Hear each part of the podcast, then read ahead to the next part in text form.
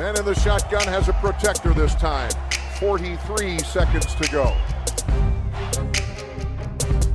He scrambles around, throws it back corner of the end zone. Santonio with a touchdown! I don't know how he did it! What a throw! What a catch! What a game! So Mike 43, call 57. That suffocate him.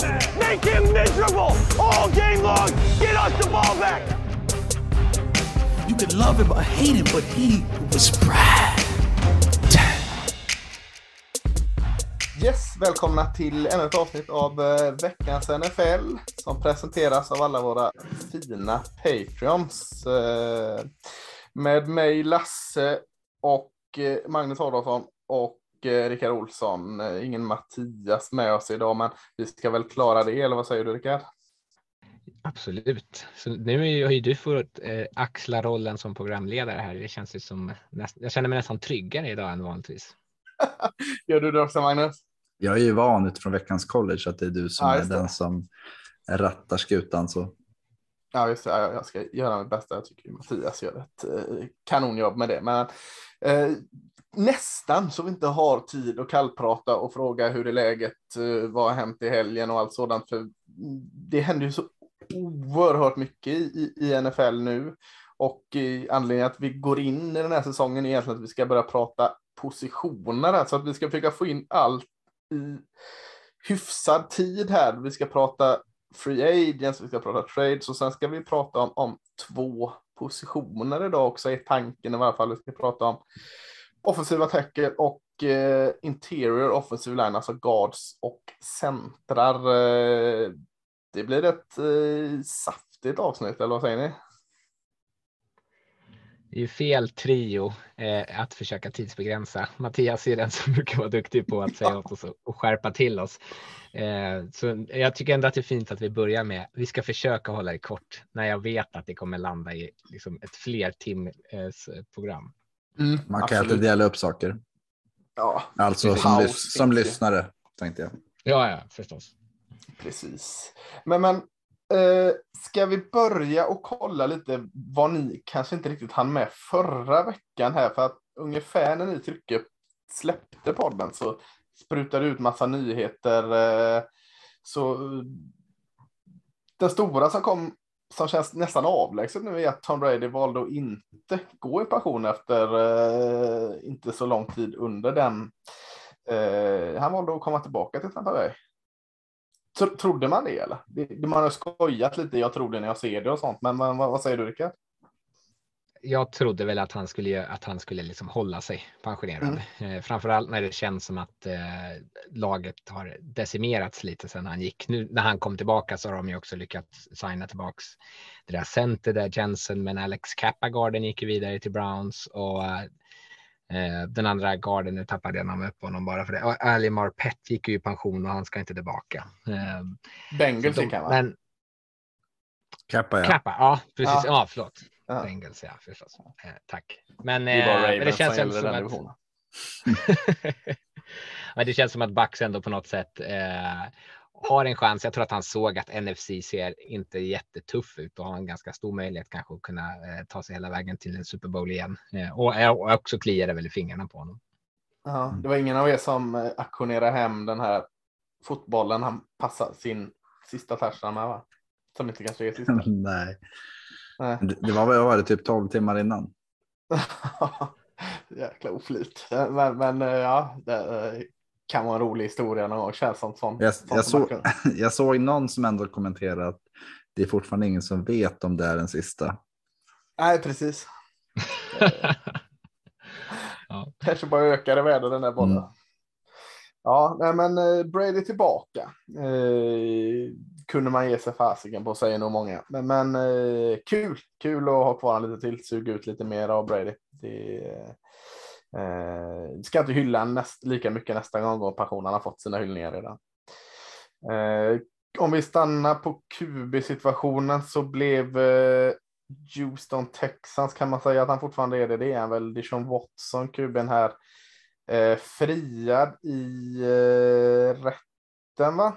För eh, anklagelserna om eh, våldtäkt och sexuellt ofredande mot Han varit friad i brottsmålet va? Brottsmålet Inte- var det, inte i satt, Mm, inte i de civila. Just det, men, men eh, han blev friad där i varje fall och eh, det har börjat viskas och pratas om eh, och även Houston Texas som officiellt gått ut och godkänt att han får prata med vissa lag för att kanske få till en trade. Vad var eh, spontant där Magnus? Det är väldigt. Det är många saker. Det ena är väl att vad är det, 22. eh, Alltså först och främst, vem fasen har 22 stycken massörer? Det är ju bara, bara det är ju sjukt. Men, men eh, att 22, eller han kanske har fler. 22 av alla hans massörer har anmält honom för sexuellt ofredande i någon form. Eh, jag tror inte Deshaun Watson är en supermysig typ. Om man hamnar liksom mellan, Nej. med honom och en handduk mellan sig. Eh, samtidigt, alltså, och där blir det ju också, om man pratar om de här lagen som det, det är väl över hela NFC South som vill eh, kämpa mot Brady och sen Browns tror jag. Det är väl de fyra som har pratat Mm. om att han ska besöka och prata med. Eh, ja. Det, man, ja, det är så jäkla dåligt signalvärde faktiskt. Eh, att eh, tänka att ja, men vi tänker chansa på den här killen och utgå från att han är fri bara för att han varit frikänd i. Alltså man, man jämför ju mycket av eh, Ben Roethlisberger hade ju ett våldtäktsfall eh, där han var anklagad och som också frikändes. Han var avstängd sex matcher tror jag. Det var väl 2011 eller något sånt där. Eh, men det här är 22 personer. Mm. Alltså det, det är så jä- otroligt stort och det är så många inblandade. Och jag tänkte när, när allt det här blommade ut för, förra hösten så tänkte man, liksom att, eller i höstas blir det, att det finns ju inte en chans i världen att han kommer tillbaks. Men det är, är det Andrew Brandt som brukar prata om det att eh, ju mer talang desto stö, större tolerans och det, det är ju väldigt tydligt. Jag, mm, det, det, det känns väldigt konstigt att Deshaun Watson ska komma tillbaka. Och att man pratar om trader och den typ av trade som kommer krävas för att få loss honom tror jag är ganska ändå matig. ja.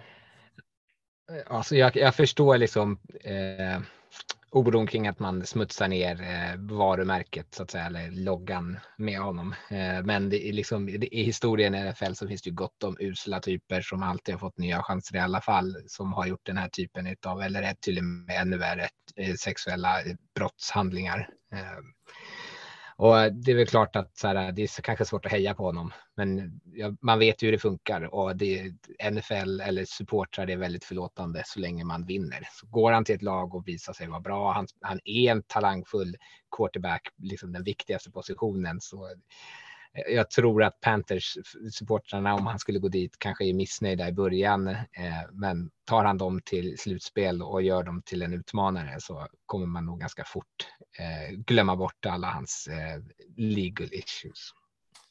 Ja, det är som väl kommer upp igen. Ja. Ja, det är väl det.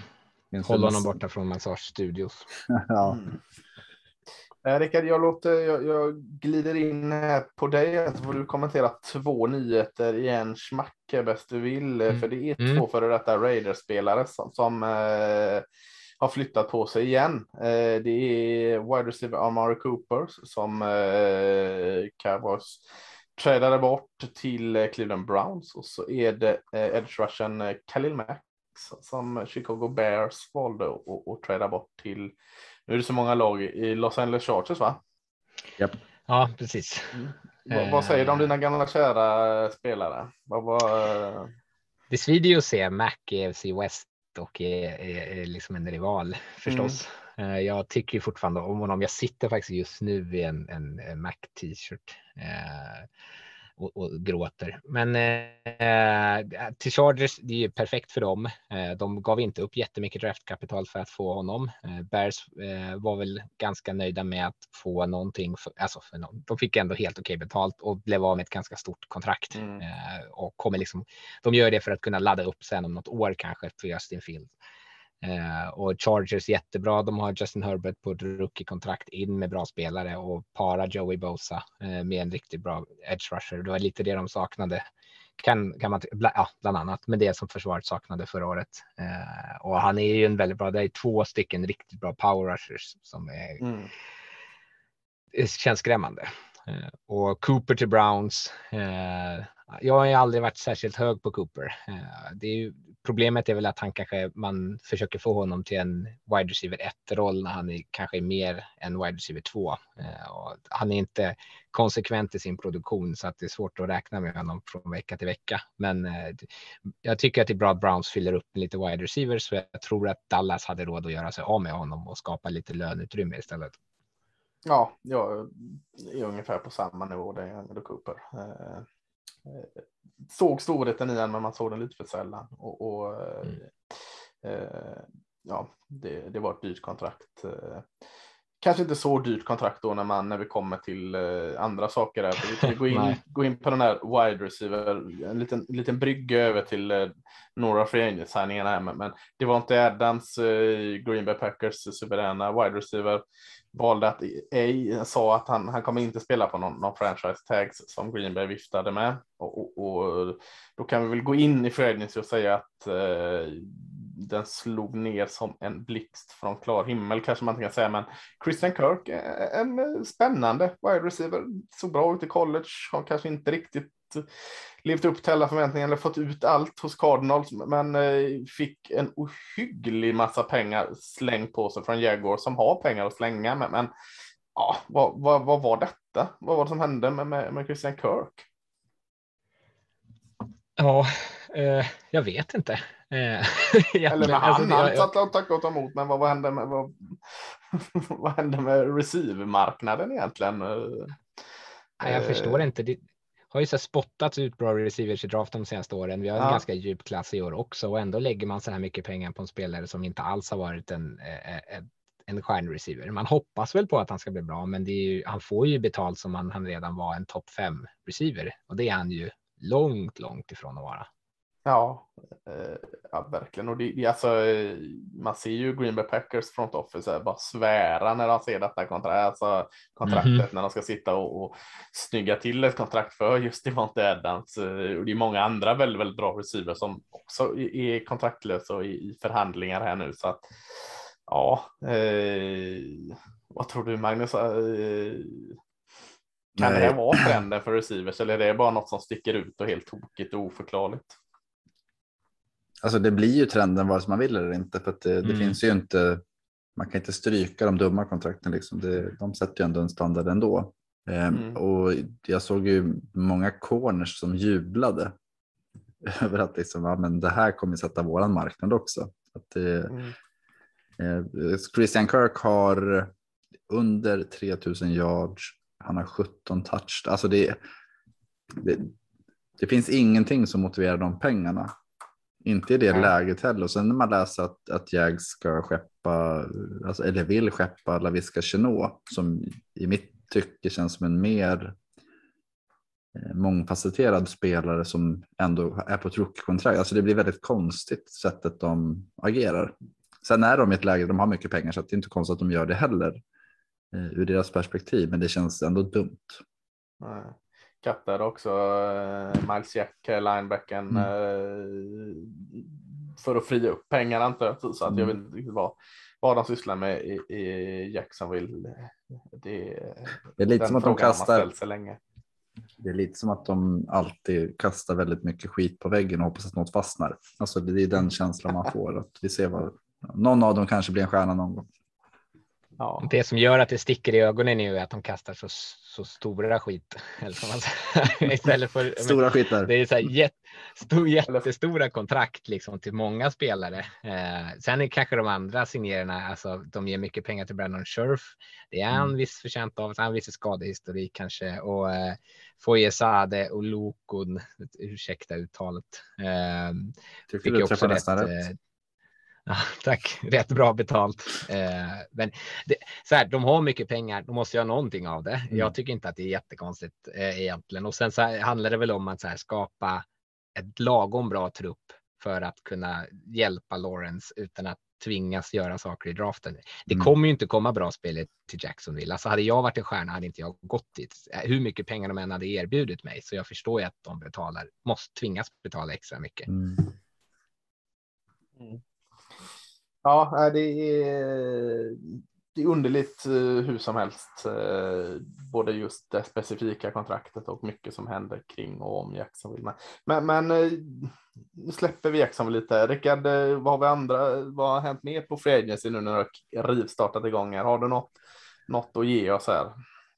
Jag kan ju spotta ut några av de här Ja, stora att, signeringarna så kan man kan man ni få fånga upp någon som ni Ja. kanske vill säga någonting om. Eh, då det, tar vi börja med JC Jackson gick till Chargers, eh, får eh, nästan 17 miljoner per år på ett femårigt kontrakt.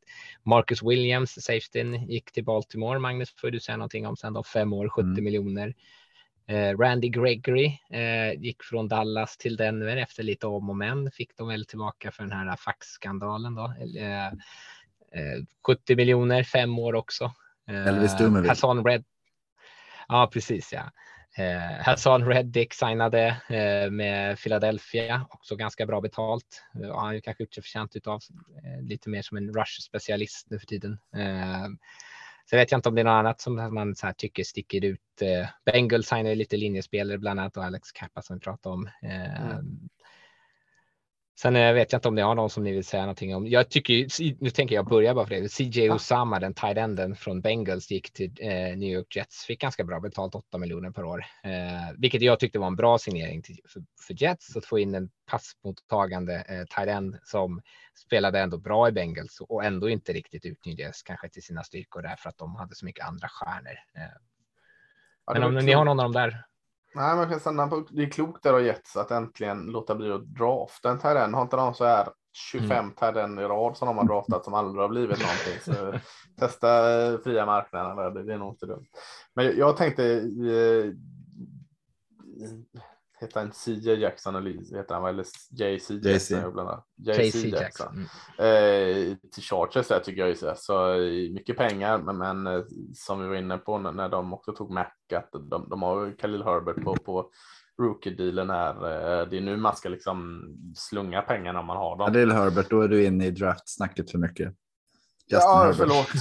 Justin Herbert. Eh, sant. Khalil Herbert, vad är han nu? Han är i Eh, skitsamma.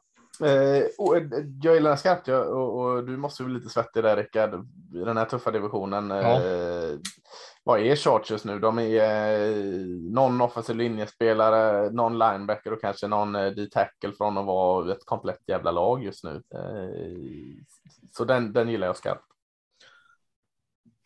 Jag gillar ju... Ja, det... Eller kör du.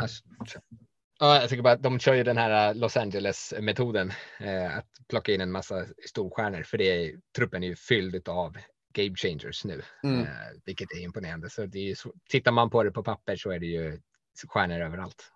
Verkligen. Det brukar de ju ha. Nej, men jag gillar Hassan Reddick till Eagles och, det, och det är ju, han, han slog igenom i Tempel eh, som är en Philadelphia skola. Mm. Och han slog igenom egentligen i Senior Bowl.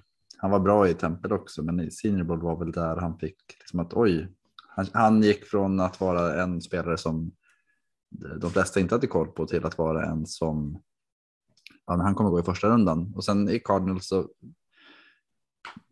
Det gick väl så där. De hittade väl ingen riktig roll till honom och sen nu i var det Panthers där vart han ju med. Alltså, det känns som en sån här som när han kommer till, hem till Philadelphia så kommer han att blomma ut och vara liksom den här, inte ledaren, men han kommer vara en ledande spelare i ett Eagles försvar som kommer hitta tillbaks tror jag. Ja, eh, gillar alltid när seniorboll kommer upp på, på tapeten också. Eh, eh, nej, det, det, är mycket och eh, vi ska väl försöka inte stanna allt för mycket eh, kring de här fredsen, för det, det, alltså, det händer hela tiden nu. Det är säkert någon som är signad nu medan vi spelar in och det, men eh, nu, nu, kommer vi mer och mer den här podcasten luta åt att eh, kolla igenom eh, draften och spelare för draften, men vi kommer ju hela tiden studsa tillbaka till till eh, free agent som signar under tiden, för det är ju väldigt, väldigt många heta namn kvar så att eh, ni kommer få mer free agents bara för att vi släpper det här idag. Om ni inte har någon eh, vill du inte säga ett ord om era nya fina safety, Magnus? Då? Jo, det vill jag. Ja. Jag satt bara och väntade. Nej, men Ja. Marcus Williams är ju så sjukt efterlängtad. När Ravens vann Super Bowl 2012, den säsongen, 2013 var det de vann. Eh, då spelade Ed Reed. Ed Reed lämnade för Jets, och sen, eller i Texans och sen hamnade han i Jets på någon ja, konst. Men i alla fall, sen dess har Baltimore längtat efter en free safety som kan vara skräckinjagande i djupet. Mm. Eh, de har provat alla möjliga sorter eh, och inte riktigt hittat rätt. De tog in Earl Thomas för två år sedan nu. Ett ganska dyrt kontrakt. Han eh, ja, hade ju problem. Han låg med sin bror eller vad var det? Men men Marcus Williams var ju verkligen så här att när man såg kontraktet som var ganska dyrt, men ändå så här att man visste liksom att ah, fan, det är det här de behöver för att vara de här, ha ett försvar som kan vara mer dynamiskt, som kan vara mer aggressivt för att tvinga fram misstag i det djupa passningsspelet. Och det är där de har blivit straffade väldigt ofta.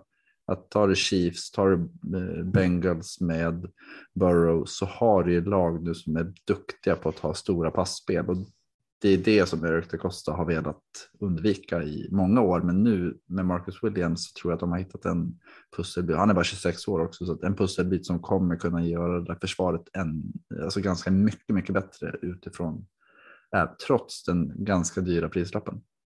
Mm. Ja, men det är en, en klass, eh, klassspelare helt klart som kommer och då kostar det lite. Mm. Eh, Rickard, får jag lägga någon- till en? Ja, Ja, jag måste lägga till Ja, något. Bara för att jag glömde det för att det inte var så mycket pengar in- involverat. Men Mitch Trubisky, quarterbacken, signade ju med Pittsburgh. Eh, Just det. det ändå, tycker jag ändå är värt att notera. Eh, De blir, stärker sin QB-position, kanske inte svinmycket. Vad Trubisky är eller vad han kommer att vara, det är ganska oklart. Det snackas väldigt mycket om honom. Men det är väl liksom ändå en av de här QB-bitarna. Eh, Jag tror inte att det påverkar Pittsburghs eh, draftintentioner. Eh, nästan tvärtom så tycker jag att det bekräftar deras vilja att drafta Malik Willis. Eh, men eh, det är ändå i alla fall, de, de har honom där. De betalar honom inte särskilt mycket eh, om han inte spelar på en bra nivå. Det är ganska mycket incentives och så i kontraktet inbyggt. Eh, men en av de här pusselbitarna, ja, åtminstone, och var ju typ det som man när man lämnar de lämnar combine, alla de här mediasnubbarna så sa de att Trubisky var ju liksom den kuben som det pratades mest om, vilket det kanske säger någonting om årets draftklass också. Men det är, Pittsburghs eh, QB-rum är ju Mason Rudolph, Mitch Trubisky och eh, Dwayne Haskins just nu. Ja.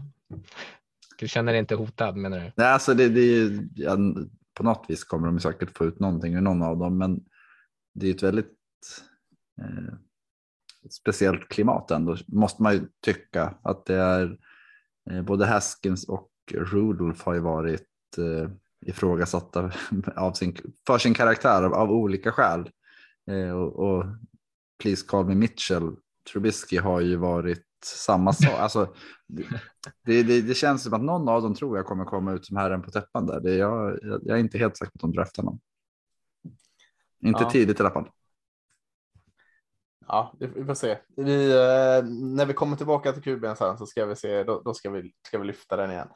Eh, nu, nu får ni inte prata mer Fredrik, eh, så den här veckan. Eh, för annars kommer vi aldrig bli klara. Så jag tänkte att jag skjutsar in oss i, i, i draften istället. Eh, och eh, du var inne på det lite, lite Rickard i tidigare podd om eh, draften som helhet, men det är en, en draft med ingen given nummer ett det är inte den där eh, hashtag tank for eh, någon spelare som har varit tidigare år.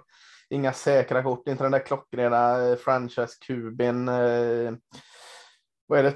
Trevor Lawrence, Joe Burrow, Kyler Murray och så Baker Mayfield fyra senaste åren. Va? Mm. Du ska in med Trubisky där också någonstans. Men den där säkra kortet har du. har inte den där Miles Garrett. Eh, Clowny. vad, nej, precis. Eh, var det 2013? Det var den här eh, Eric Fisher. draften med Eric Ja. Fisher gick först. Och, eh, Luke Jokel. Tvåa va? Ja, men precis. Eh, Vi har ett par ends där uppe. Vi, vi har eh, ett par offensiva linjemän där uppe. Eh, ett par corners, men, men ingen som kanske är elit, eh, vad man vet än på den nivån.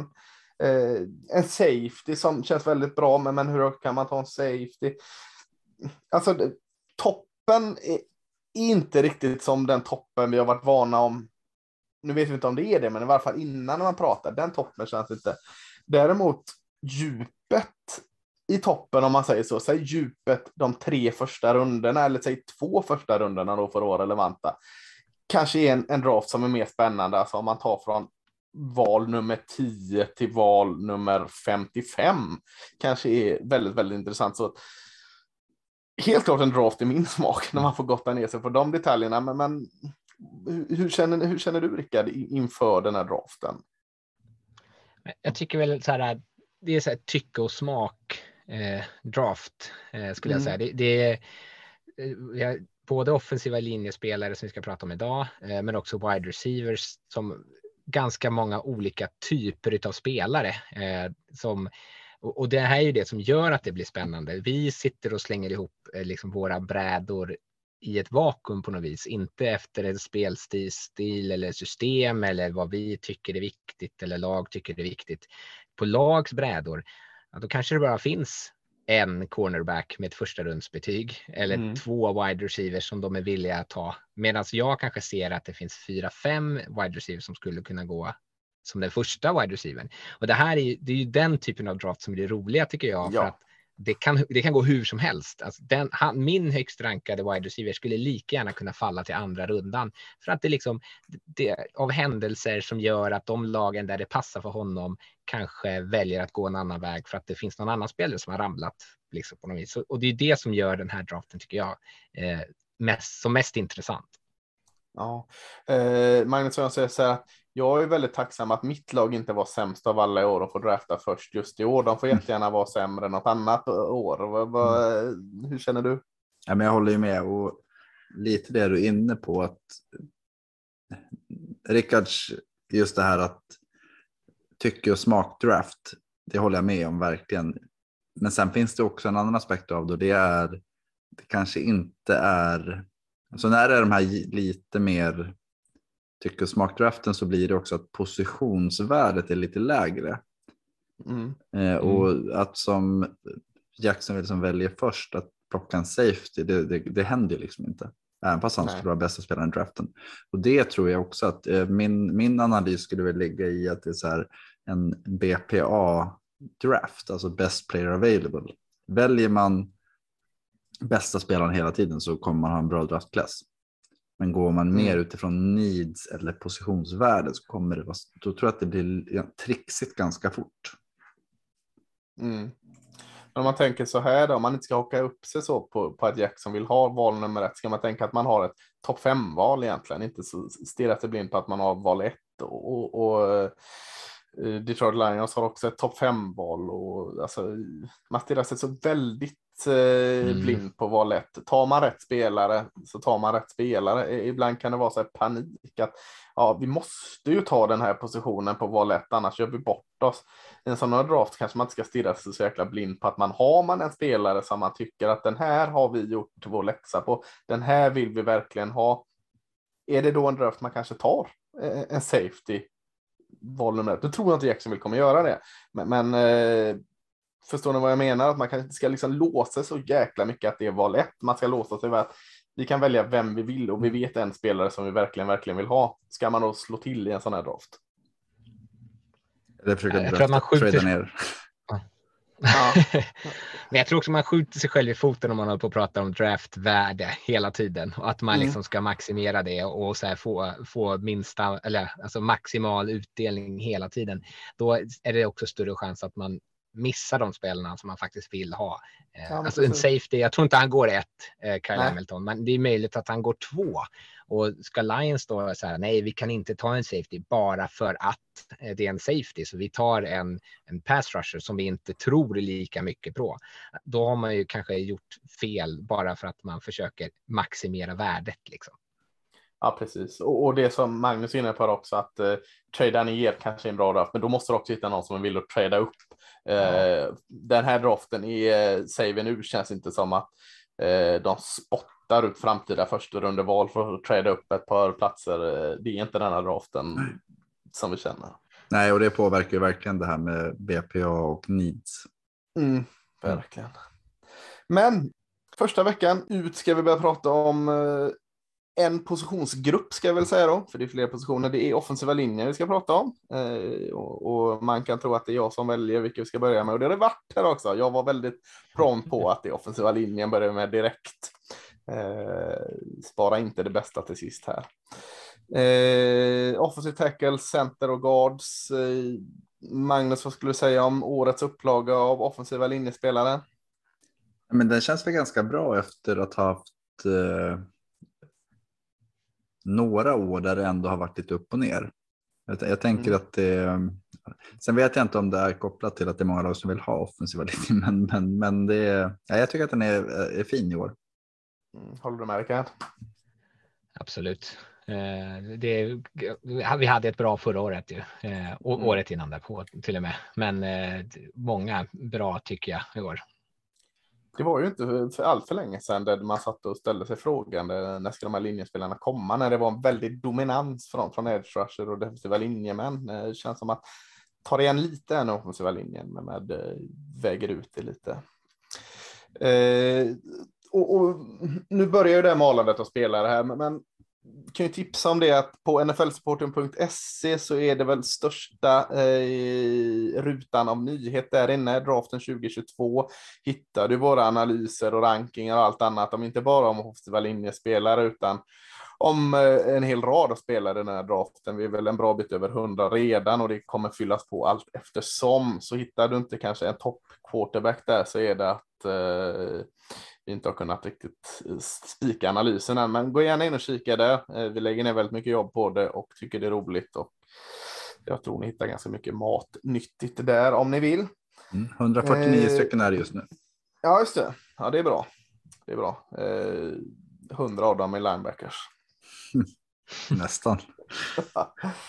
Men och, och vi, vi, gör som jag tror vi gjorde så här förra året också, att vi, vi, vi har eh, en eh, ranking 1 till 5. En för interior offensive linemen, alltså guards och centrar, och en för eh, tackles. Och eh, det är ju ranking som är ihopsatt på våra gemensamma betyg här. Eh, så det kan vara så att Eh, Rickards tvåa eh, kan ni höra ett fnys från Magnus för att den är 11 på hans lista. Men eh, gemensam ranking så brukar det finnas något gott att säga från oss alla kring dem. Eh, vad vill ni börja? Vill ni börja med tackles eller vill ni börja med insidan? Magnus, du, du får, får välja.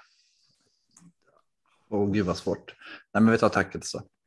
Ja, men vi tar tackles då. Vi, vi börjar väl uppifrån och den som har fått eh, högst betyg av oss gemensamt är en eh, föga oväntat en, en tackle från Alabama. Det är eh, Evan Neal. Eh, Stora Evenil, eh, eftersom du fick välja eh, position så får du välja att börja prata om Evenil här, eh, Rickard. Eller välja, du får inte välja, du får börja prata om honom.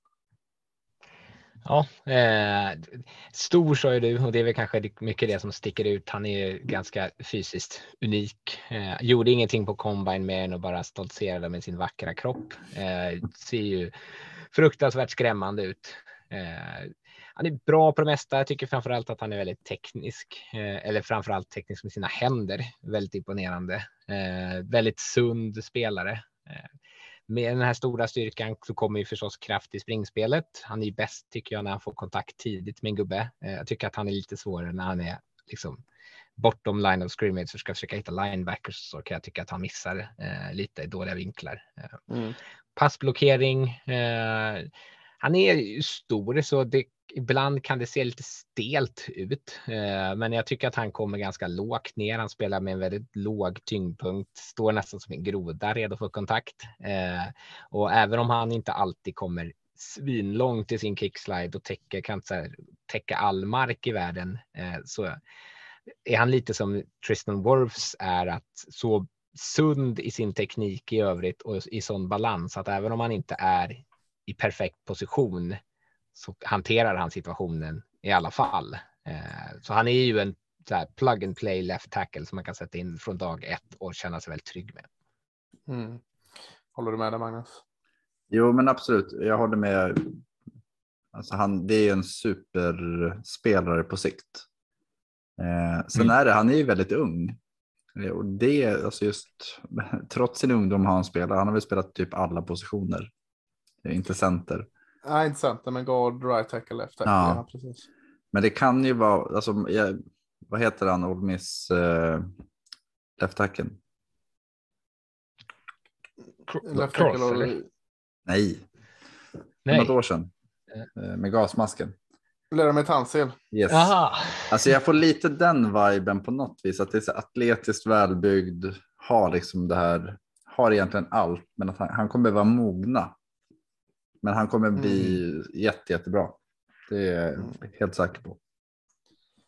Det ser ju ibland lite alltså, så här, orättvist ut när man har sett vissa collegefilmer, när han är så här stor och, och, och liksom bara plöjer över spelare. Så han, jag tänker så här att lite farligt kanske att eh, han förlitar sig lite för mycket på sin Mm. styrka i college. Ja. Alltså att han måste visa. Du nämner att han har tekniska händer där, Rickard. Ja, eh, men en del annat att öva på i det tekniska, eller som han kanske inte har fått, han kanske är bra på det, men, men man har inte riktigt fått se det än. Eh, eh, Framförallt kanske i sidled kan han se lite trubbig ut. Eh, Tycker han har snabba fötter, men han kanske kan få ordning på någon lite mer där. Men annars håller jag med om det mesta jag säger. För mig är han nummer ett eh, totalt. Eh, alltså av av offset tackles i den här och Mm. eh, jag skulle absolut inte eh, göra någon bajs-emoji om han väljs som nummer ett overall. Jag, hade köpt det fullt ut. Eh, nummer två på listan, eh, kanske en förenkling att säga att det är en spelare i samma stuk kanske. Det är Ikem Ikwonju från eh, North Carolina State. Eh, vissa har varit lite frestade att kalla honom för offensive tackle och offensive guard. Eh, en, en, också en stor, tung spelare. Eh, eh Magnus, vad har du på Ikem? Nej, men du nämnde ju det att han har ju spelat både tackle och guard. Eh, jag är nästan till 100% säker på att han kommer spela left tackle till en början i NFL, men sen så finns det ju alltid den här backup-planen att eh, skulle det inte funka av något skäl så kommer han spela guard sen. Och om man tittar på honom, alltså det är ju en av de absolut roligaste spelarna att se på. Det är, han har den här storleken, styrkan, atletiska förmågan, men sen är han också jäkligt elak. Alltså man, när man ser Ikem komma mot en, eller en cornerback eller safety. De flesta, alltså, ni, ni vet det här klippet när Tom Brady ska blocka när ingen tacklar honom. Så Det är, raka mots- det är raka motsatsen när Ikem kommer. Fy fan vad han smäller Jag på. trodde du skulle jämföra han med, med Tom. Brady och blocka. Det är ju inget bra betyg. Nej, men alltså det, han, han straffar ju motståndarna som, okej, ni, ni släppte upp en liten kille, tack, pang, säger det. Eh, och det, det tycker jag är, jag har skrattat väldigt, väldigt mycket när jag har tittat på honom. Men överlag så är han ju, han har ju den här liksom, smidigheten, tyngden, styrkan, snabba fötter, bra på att hålla ball, alltså det som verkligen kännetecknar en spelare som går högt upp i draften. Eh, det enda egentligen som jag ser som negativt, det är väl att han ibland så kan man bli så lite att han, fan nu ska jag smälla på och sen så blir han lurad. Att han, han Ja. släpper insidan, han ja, men så här, överspelar en block på något vis så att det blir att han missar. Men, men det är inte så ofta och det, det är så här, vill man ta bort det? Nej, utan man vill att han ska slipa på det lite bättre, att liksom bli, bli lite mer safe i vissa lägen utan att tappa sin aggressivitet. Men jag, jag tycker att, att, det är en jack, alltså oavsett lag där han hamnar så kommer man tycka att det är otroligt kul att titta på honom. Mm. Jag hade lite så här, eh, kollar man tidig film på honom, alltså från eh, 2020 eller tidigt i säsongen, så alltså, såg man lite brister i hans teknik, framförallt i passspelet, men jag tycker det successivt har blivit bättre och det tyder på något gott också, att han utvecklar den delen ganska mycket. Så att, eh, jag skulle nog kanske sätta det som ett plus, att han från att ha lite skakig teknik i vissa delar ändå har utvecklat den åt rätt håll ganska snabbt. Eh, Kan fortfarande utveckla mer såklart, men eh, gott att se att utvecklingen finns där hos honom. Eh, Eh, annars så håller jag med helt vad du säger. Kan ibland ha lite problem med de här snabba edge eh, på utsidan mm. som, som, har en tendens att komma lågt och snabbt. Det, det, det kan han ha problem med. Det är jag inte ensam om när man är en stor tung tackle att ha det problemet. Men, men annars så har jag svårt att hitta Jag tycker hans kroppskontroll och balans är jättefin för hans storlek. Och, eh, det är ju med speed man får slå honom för bullrusha honom. Det, det är inte så mycket poäng att göra tycker jag. Jag nämnde honom förra veckan också när vi pratade om combine standouts för att han såg så fantastisk ut där. Eh, mm. Vilket känns också liksom lovande kring vad man liksom kan göra med honom. Ja. Eh, Rickard, vill du presentera nummer tre på listan? Oh, gärna. Ja. det, är Charles, det är Charles Cross och det är ju för att det är min högst rankade offensiva attack. Ja. Eh, eh, från Mississippi State. Eh, och det är, jag är ju... Eh, Nej, det var en koskälla. Ja. Jaha, jag tänkte att det var ett, en systempeak. Eh, nej, nej, det kommer sen. Ja, Okej, okay, bra. Äh, men eh, jag gillar honom. Han är så otroligt larvigt eh, eh, smidig eh, och ser liksom ut som en ballerina nästan i sina fötter. Jag tycker att han rör sig så otroligt bra. Eh, han har, liksom PFF när de har kollat eh, så rush eh, eller pressures och sånt och sack så har jag typ inte gett upp en enda sack tror jag eller en enda, knappt en enda pressure på typ över 600 snaps. Eh, sen går ju då att säga vad man vill om någon sån här statistik, men det säger ändå någonting tycker jag. Eh, jag tycker att han bara har blivit bättre och bättre. Eh, om, man, om du pratar med Icke om att han har blivit bättre än 2020, samma sak med Charles Cross som mm. då såg ännu lättare ut men la på sig massa kilo inför årets säsong utan att tappa egentligen någon av sin smidighet gör att jag får förtroendet för han kommer kunna liksom lägga på sig ännu mer vikt. Eh, för det är väl kanske det som saknas i hans spel, tycker jag, att han ibland har svårt med kraftfulla rushers. Eh, jag tycker att han har fött fotarbetet för att kompensera det och återankrar väldigt bra och tar kontroll i alla fall. Eh, men lite mer kraft kanske för att kunna också vara mer av en faktor i springspelet. Men liksom en huvudsakligen passblockerande left tackle som ser så otroligt. Det ser nästan ut som en Sen en tight end höll jag på att säga, men tight end ser ännu stelare ut. Han, han, är ju, nej, han rör sig så otroligt fint bara på plan tycker jag ja, det är ju nyckeln du säger där. Alltså, om vi har två tunga i Nilo och Konjo så är Cross den här smidiga ballerinan på linjen. Eh, oerhört smidig. Han kommer ju bli testad som en, jag ska inte säga mindre offensive tackle, men en lite tunnare offensive tackle. Han, eh, som mm. du säger, behöver lägga på sig lite mer kilon och, och eh, det kommer han att testa han på, hur, hur han klarar den biten. Men ja, jag tycker också väldigt mycket gott om Charles Cross. Eh, hade kanske velat se lite mer. Han spelar ju Mississippi State som är ett air raid system. Väldigt, väldigt, väldigt, väldigt mycket passande. Så jag hade kanske velat se mm. honom lite mer i, i eh, springspelet. Eh, för att antingen ge tummen ner eller tumma upp. Jag, jag kan liksom inte ge ett betyg där för att han har inte riktigt använt sig det. Det är det jag tycker är så kul med, med Delas, att vi har ofta samma farhåga. Eh, mm. Grejen är att jag tycker att han visar jättefint när han får attackera i springspel eller screenspel. Men man skulle vilja se det mer för att vara säker på att det verkligen stämmer. Mm. Att just air raid systemet har ju, tror jag har varit en fördel på ett sätt men också en nackdel och det, det gör att det blir lite av en chansning. Ja. Ja, och, och, det är det som folk pratar om och, och jag, det, jag, förstår det liksom att man kanske är rädd för det. Eh, och också med passblockeringen är att många gånger så är ju bollen ute så pass snabbt att mm. den här statistiken som jag pratar om blir eh, uppblåst. Eh, men eh, alltså jag, förstår, jag, jag, förstår inte hur en så atletisk tackle inte skulle lyckas. Det är liksom där jag landar i på något vis och känner att jag ändå är tryggare. Mm. Jag hade velat säga emot det mer där Rickard, men jag kan inte. Han kommer lyckas. Ja. ja. han kommer mm. lyckas.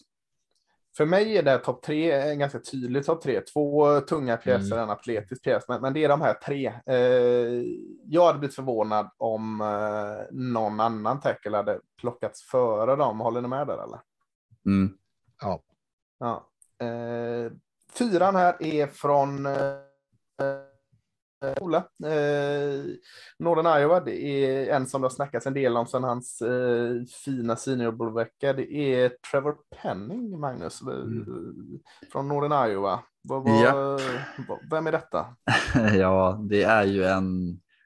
Alltså, tänk på Northern Iowa så tänker man ju fysik, man tänker, alltså, ofta tänker man vad fan är det för ställe, men, nej, men det är ju, de hade ju Spencer Brown förra året, en right tackle som gick till Buffalo i tredje rundan om jag inte minns helt galet.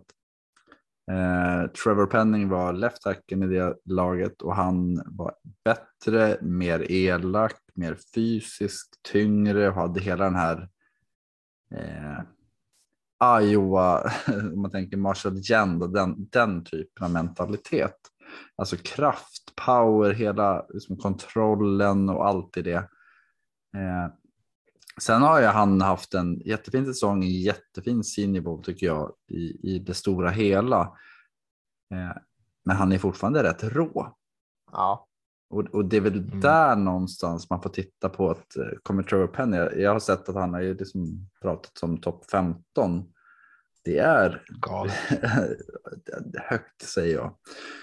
Eh, samtidigt kan jag förstå varför man ser honom där. Om man tänker att alla de här fina egenskaperna kommer, kommer liksom blomma ut och bli bra. Och det är inte alltid det gör det. Så att han blir ju någonstans en eh, high risk, low reward typ.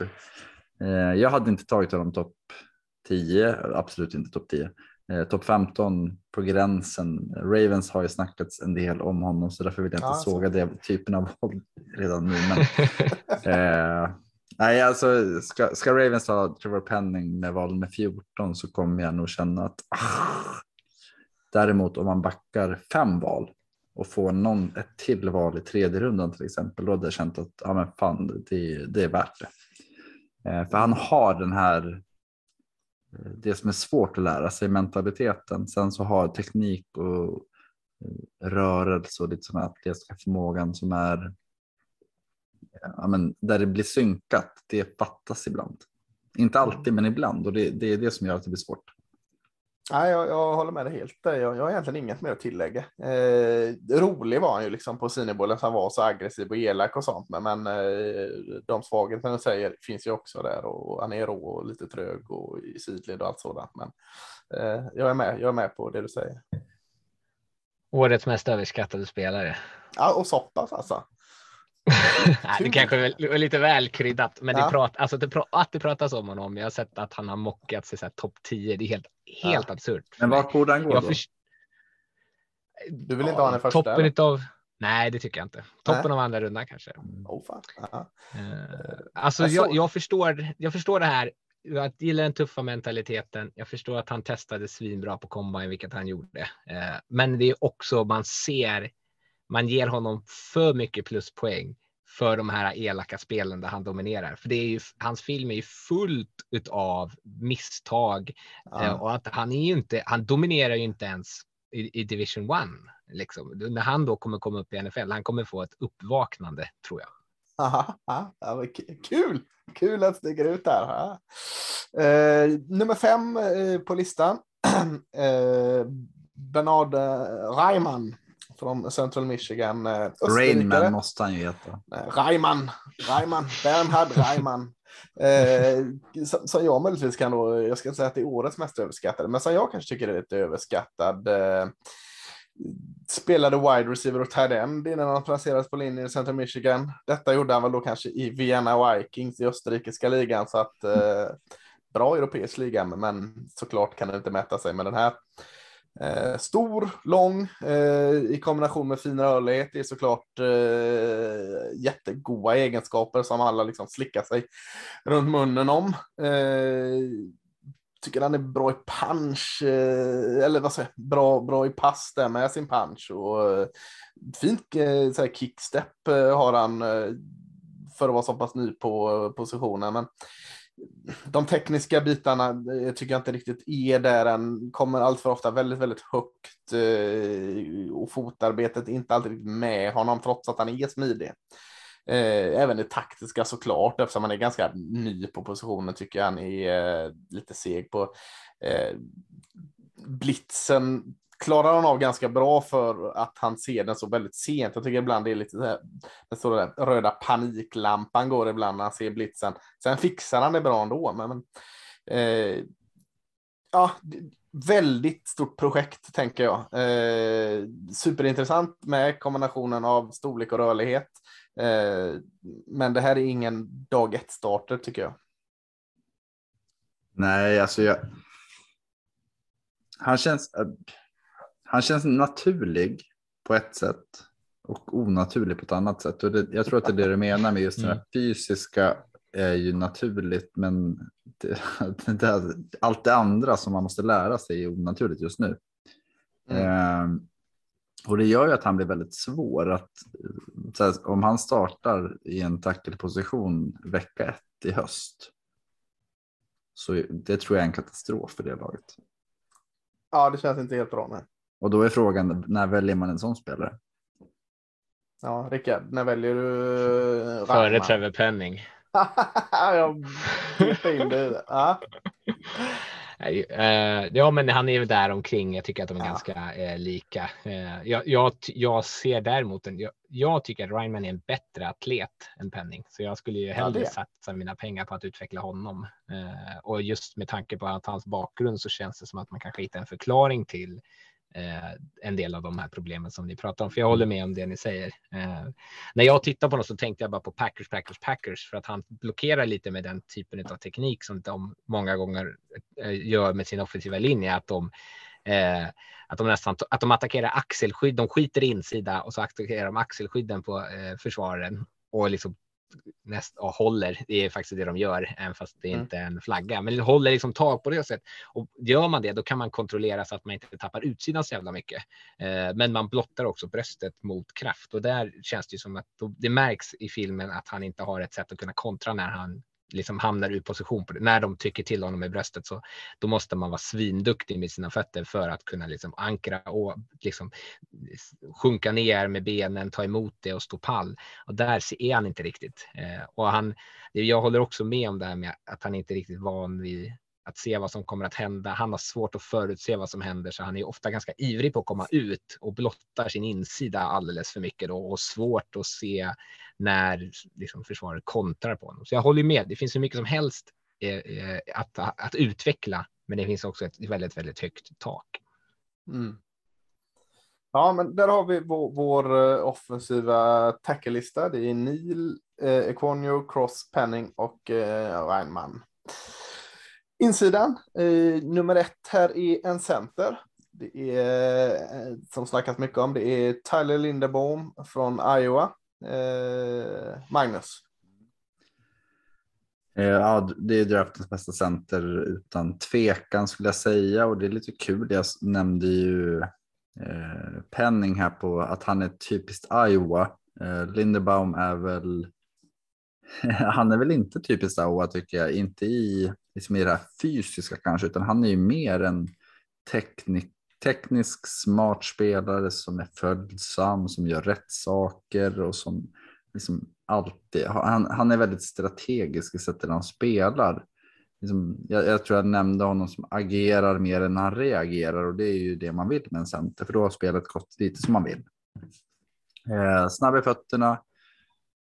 Eh, duktig när han får liksom trampa vidare. Eh, han har en smarthet. Han har en spelförståelse som jag tycker sticker ut. Han har inte en styrka som sticker ut och det är ju lite svårare tror jag. Eh, Ja. man, man vill att han ska vara direkt och aggressiv för då kommer de här första egenskaperna till sin rätt.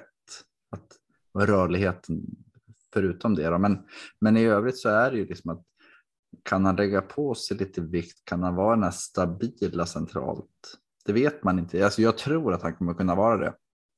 Eh, Ja. han, för han har liksom egenskaperna för det.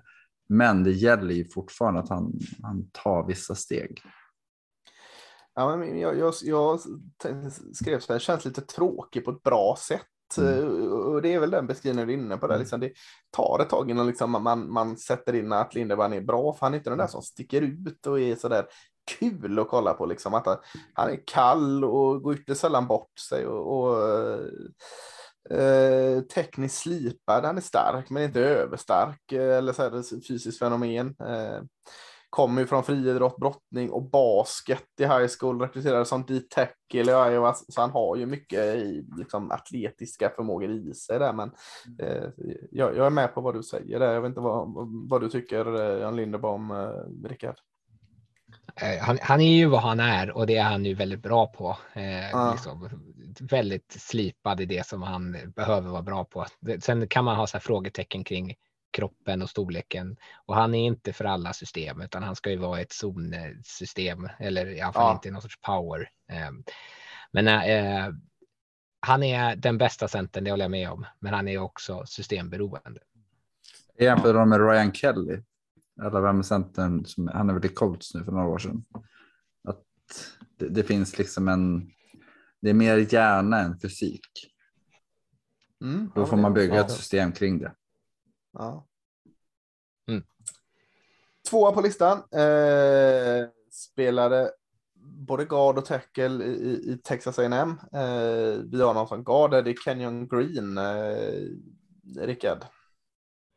Ja, jag gillar honom eh, mest för att han är, i sån otroligt kropp på något vis. Han är, hans ben är typ större än vad hela jag är. Eh, så jag, jag gillar honom av den anledningen mest. Nej, men det är bra kraft framför allt eh, och är ju mest är, till skillnad då från Lindebaum så är han ju en powerspelare. Eh, upp med händerna så fort som möjligt och väldigt stark när han väl får kontakt. Eh, han kanske inte alltid har fötterna med sig eh, och framför allt så syns det ju i eh, passspelet. Eh, men alltså, han är en, en bra guard eh, som jag känner mig trygg i att kunna ploppa in direkt. Han har spelat på nästan alla positioner längs den offensiva linjen. Han har flyttat ibland under match också till flera olika positioner, så han känns ju som smart på det sättet.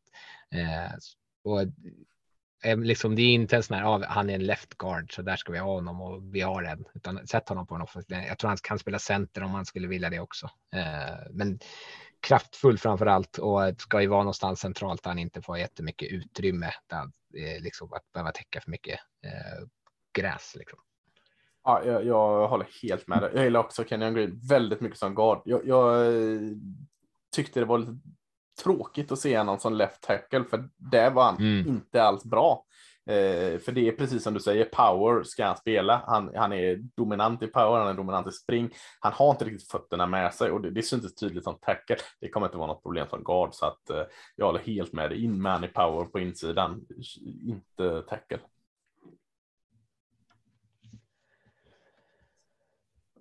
Ska vi gå vidare eller vill du tillägga något? eh, lägga Nej, till något Magnus? Jag håller med dig. Han, som left tackle är han inte bra. Nej. Då får du nästa här, eh, kicka igång oss med guard från Boston College, har också spelat left tackle faktiskt. Eh, S- eh, Zion Johnson, eh, fin senior ball. Va, va, Vad säger vi om honom? Ja, men det är väl lite, sam, lite samma typ av spelare. Att han, han eh, främst varit left guard några matcher som tackle, men han har ju den här tyngden, storleken, viljan att smälla på. Han är aggressiv. Alltså han är ju den här phone boot spelaren som eh, det gillar inte du kanske, men så här, offensiva linjeexperter brukar inte prata om att guards, det, i NFL så är det ju inte phone boot, utan man har, det, det är ju en atletisk förmåga som krävs ändå. Men jag tycker att han har en fin kombination av aggressivitet, fysik i kombination med förståelse och teknik och tålamod som gör att han blir väldigt bra som guard. Där- det är liksom omöjligt där. Mm. Eh, och, och det, han, eh, han, jag skulle säga att vi, det här är tredje inside-spelaren vi pratar om och det är väl egentligen den sista som jag tror kan gå i, i första rundan. Att han Ja. är ju väldigt, väldigt skicklig i, liksom, i det enkla där han kan använda sin egen fysik, men också i det svåra. Att i springspelet så har han ju förmågan att göra saker som är eh, som kräver atletisk förmåga som man kanske inte tror att han ska klara, men att han gör det ändå. Och jag, jag, men jag gillar verkligen Sten Johnson och jag, eh, Boston College offensiva linje har varit väldigt fin senaste åren också, men, men eh, han har varit ett, en väldigt, väldigt stor anledning till det. Ja, nej, jag håller med allt det. Och, eh, också. Liksom. Eh, känns smart också. Eh, och jag är också med det. Det här är ju precis som vi hade en topptrio i, i tackle så tycker jag vi har en ganska tydlig topptrio på interior också. Eh, med Sten Mm. Johnson som rundar av den där. Sen får man ranka dem hur man vill därefter. Men, men eh, är du med där också Rickard? Eller? Ja, det håller jag med om. Då har vi nummer fyra, är ytterligare en spelare som föga oväntat har spelat tackle också under sin karriär, men det är Derek Kinnard från Kentucky. Eh, också kända för en bra offensivlinje. Kinnard, Rickard, vad, vad är det för en? Ja, jag för mig att det var han när jag satt och tittade på honom så skrev jag så här. Jag kollar på Kennard nu. Jag tycker han är ändå helt okej okay. och du skrev inte som tackle va och skickade någon sån här skrämd emoji gubbe. Eh, ja. Men eh, för han spelade ju right tackle va. Eh, ja. Men det, han har inte fotarbetet eller farten eller tekniken för att vara där på utsidan. Eh, men också en, en kraftfull spelare som jag tycker de här senaste två som jag pratat om också är samma sak. När de väl får händerna på sin eh, försvarare så känns det som att matchen är över. Liksom. Då är, håll, släpper de inte taget, varken i, i springspel och trycker de bort sin gubbe och i passblockering så kan, kan de liksom hålla det utan, eh, utan problem. De tappar inte efter ett par sekunder. Eh, aktiv med händerna. Jag tycker att han är, är, duktig på att uppfatta när det kastas stans runt omkring honom eller när det är skiftningar på den effektiva linjen. Det Känns som att han är väldigt medveten. Eh, sen och framför allt det så, så blottar sig när han spelar tackle tycker jag eh, är att han, han lutar sig in i kontakt lite för ofta. Eh, då tappar han sikt, eh, vilket gör att han ibland liksom missar sin blockering i, i springspel och blir omspr liksom rundsprungen i passblockeringen. Eh, inte riktigt synkad i, ben och överkropp, så hans punch får inte den här kraften kanske som man tycker att han borde kunna generera med sin kropp. Eh, och sen ser han lite onödigt fet ut kan jag tycka. Eh, han skulle gärna kunna få eh, lägga på lite muskler. Eh, men jag, jag, tror ändå att om man Vad hette han från Georgia tre... som du inte tyckte om? Eh, nej, som jag tyckte om. Tyckte om. Jag har inte tyckt om. Ja, Tennessee-gubben där. Nej, det var inte Georgia. Ja, man hamnade i Tennessee Titans, han som aldrig fick spela en snap. Ja, nej, nej, nej, nej. Ja, det är Nej. både han gillade och så gillade han som Dolphins plockade ju. Uh, nu kommer jag inte ihåg namnet på de här. Ja, men jag, jag ja, det är Fetton som, jag, som du inte tycker om. Jag vet, som jag ändå på något sätt gillar. Uh, men, men inte längre. Skulle kunna få ner. Nej, jag har lärt mig min läxa. Ta inte de här tjocka killarna. Uh, det behövs tydligen mer. Jag vet inte riktigt. Ta dem. Moderna NFL. nej, men lite mer muskler och lite mindre fett kanske. Ja, jag håller med mycket du säger Kennard. Det finns, finns en del att jobba på här. Eh, tycker det är lite synd att han, han, eh, du säger att han blir lite framtung och kommer liksom luta sig framåt.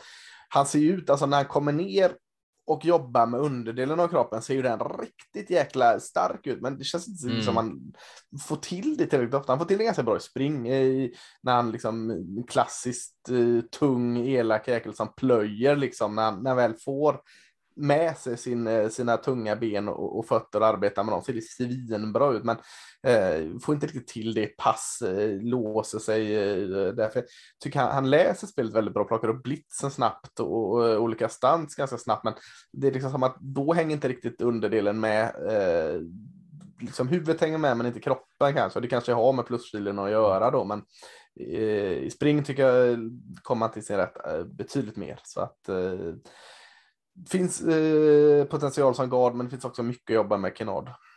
Solomon heter han. Ja, just det. Precis. Gillar honom fortfarande. Ja, eh, eh, sist, sista mannen ut eh, för, för denna afton är eh, tufft namn. Eh, garden Cole Strange från eh, Tennessee Chattanooga, en liten, liten skola. Eh, fick en del liksom lovord under senior men, men jag såg inte riktigt vad som stack ut i, i det där positiva sättet som alla pratar om. Så jag var tvungen att plöja all jäkla film jag kunde komma åt eh, från Chattanooga. Det är inte helt lätt att komma åt mm. film från dem eh, där. Men han vinner mycket på storlek och styrka. Eh, men det gör man också i de här lägre divisionerna mot eh, betydligt mindre. Då blir den där storleksskillnaden än mer påtaglig där. Så att det kan hända att man tar med sig lite för mycket av det där när liksom han, han eh, ser ut som Evenil liksom när han plöjer, fast det är mot små, små personer.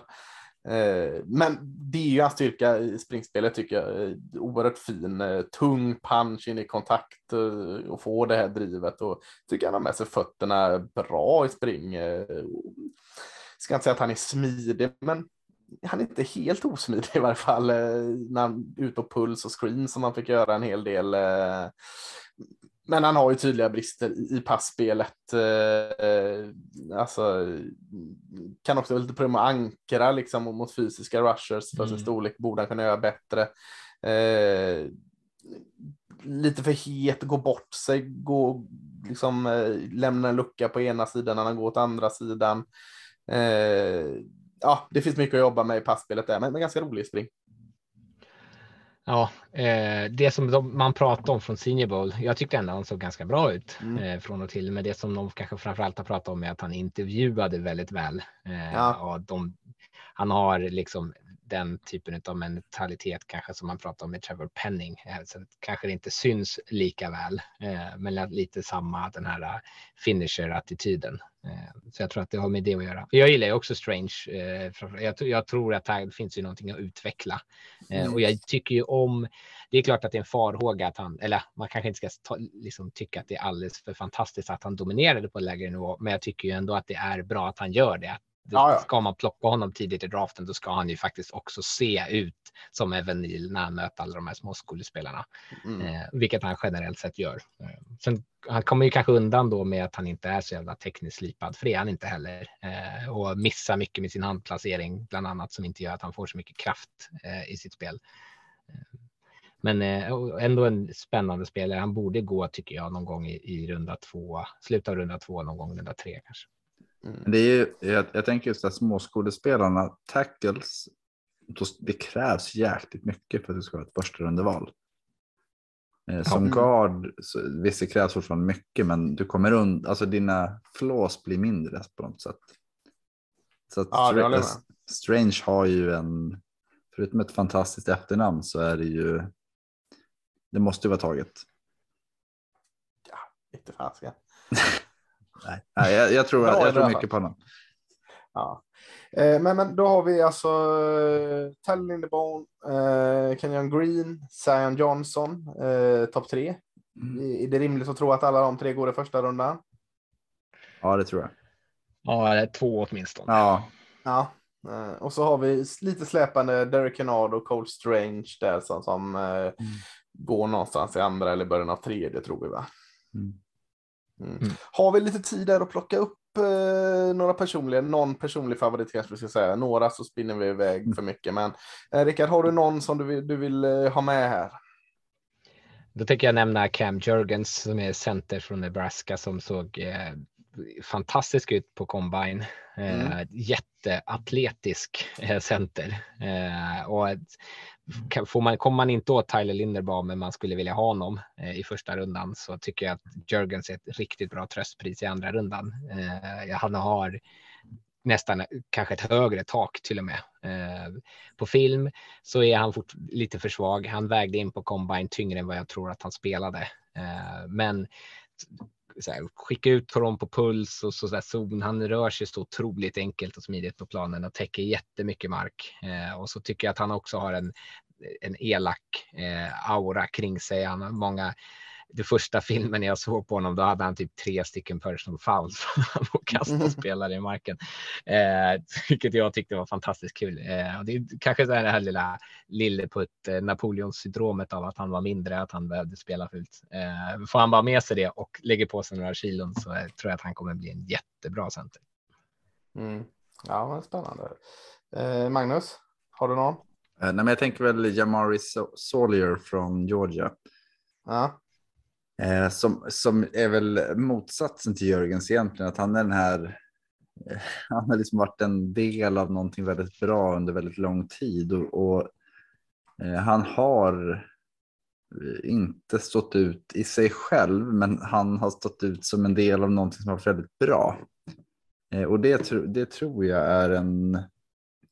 Jag, tror Solier har en fin framtid i NFL och han kommer förmodligen gå i runda två eller tre. Eh, men Han, liksom checkar väldigt många av de här rutorna som krävs utan att han har stått ut egentligen. Ja, ja men, eh, jag håller med. Han, han känns spännande på insidan.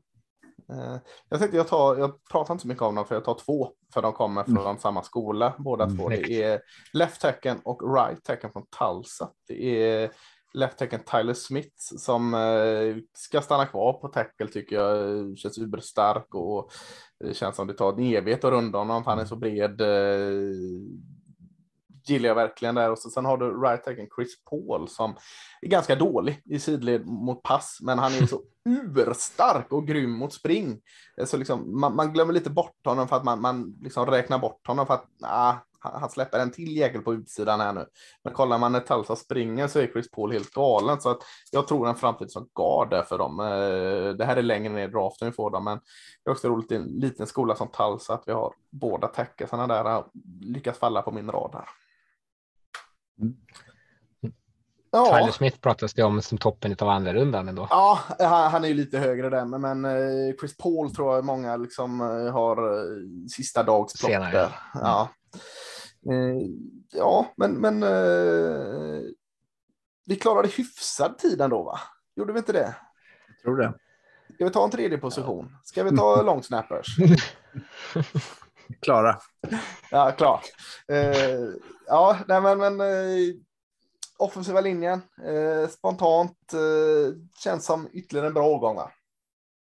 Det tycker ja. jag. Mm.